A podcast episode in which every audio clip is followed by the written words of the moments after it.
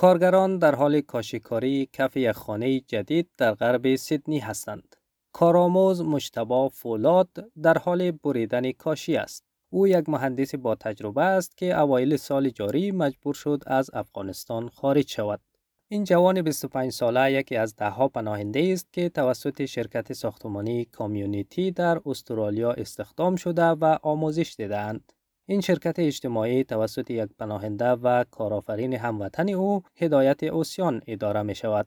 مجتبا می گوید از اینکه اوسیان برای او و سایر پناهندگان زمینه کار را فراهم کرده خوشحال است. I am very happy. Hidayat is very good man in helping other people because Afghanistan people cannot work. آقای اوسیان حدود هفت سال پیش این کسب و کار را برای حمایت از پناهندگان ایجاد کرد که با مهارت‌های محدود زبان انگلیسی وارد استرالیا می شوند.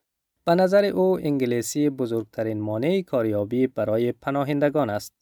English language is uh, the biggest barrier. So when we don't speak English, just automatically close all the opportunity for us. Most of them they are Afghan because I am an Afghan. We have people from Iran, from Pakistan, from Syria, from Iraq. I had a couple of Sudanese. So it's a very diverse.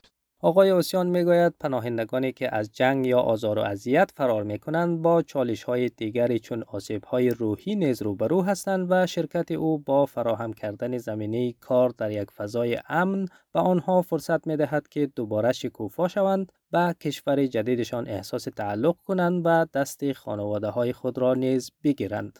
They are very traumatized, so we gave them a very safe space where they can flourish, where they can feel belonging and also where they can contribute to society and also support their families.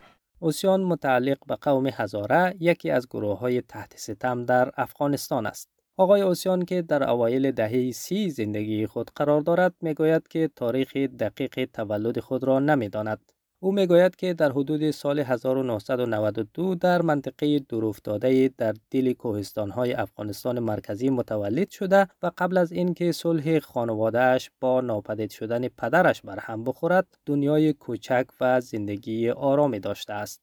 به گفته او پدرش که معلم مکتب بود در سال 2006 برای آوردن کتاب به شهر رفت و توسط طالبان ربوده شد و دیگر هرگز پس نیامد.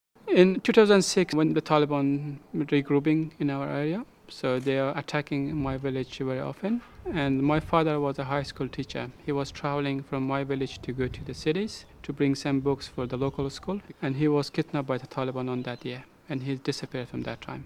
در نبود پدر اوسیان به عنوان فرزند ارشد سرپرستی خانواده را بر عهده گرفت و باید از مادر و خواهر و برادر کوچکترش حمایت میکرد. در سال 2009 وقتی فقط 17 سال داشت با حمله دوباره طالبان به منطقه مجبور شد از افغانستان فرار کند.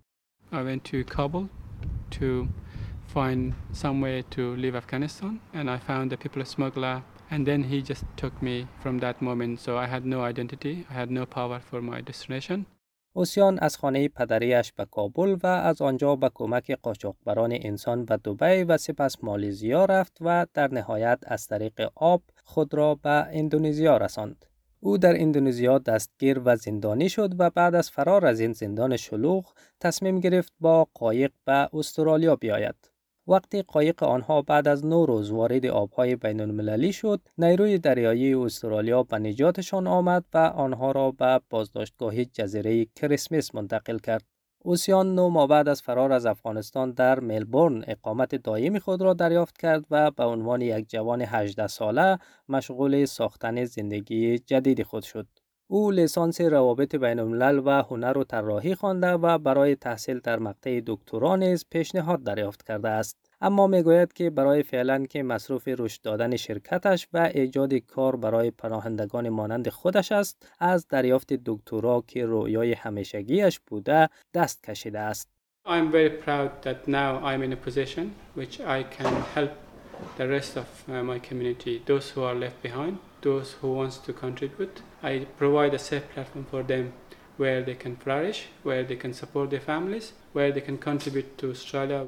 و او تنها نیست. به گفته سازمان سوشال تریدرز که به شرکت های اجتماعی مجوز کار می دهد، کسب و کارهای اینچنینی به سرعت در حال رشد هستند. تارا اندرسون مدیر عامل این سازمان می‌گوید که از زمان شروع همگیری کووید 19 تا به حال 110 شرکت اجتماعی در استرالیا باز شده اند و تعداد افراد شاغل در این شرکت ها 6 درصد افزایش یافته است.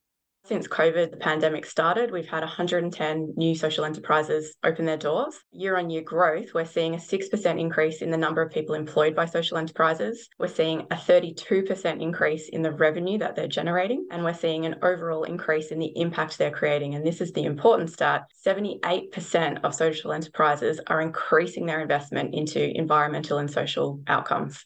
در واقع دوازده هزار شرکت اجتماعی در استرالیا فعال هستند و بیش از 200 هزار نفر را در استخدام خود دارند. حکومت فدرال در طرح اخیر ده ساله تقویت نیروی کار خود که اخیرا منتشر شد به حمایت از کسب و کارهای اجتماعی متعهد شده است. آماندا شورت وزیر خدمات اجتماعی می گوید که حمایت دولتی از کسب و کارهای اجتماعی به محرومیت زدایی از جوامع محروم از جمله جوامع پناهنده و پناهجو و افزایش فرصتهای شغلی کمک می کند.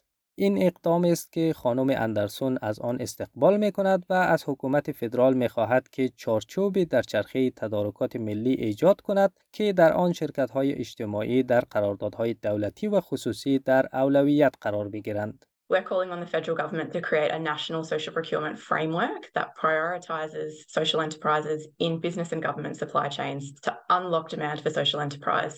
با توجه به افزایش آوارگی در جهان و تعداد 20 هزار ویزه بشردوستانه ای که قرار است استرالیا در سال جاری مالی صادر کند آقای اوسیان امیدوار است که بتواند پناهندگان بیشتری را استخدام کند و به برخی از آنها کمک کند که کسب و کار خود را راه اندازی کنند. Refugee they are very resilient. They are very hard worker. They are very motivated. I want to expand my business nationally in Australia and also I want to add more services in order to have more refugee on board. Imagine in the next five years, I have my own businesses in different cities, major city in Australia, and I contract from mm. medium to big project, and then I can hire hundreds and hundreds of refugees.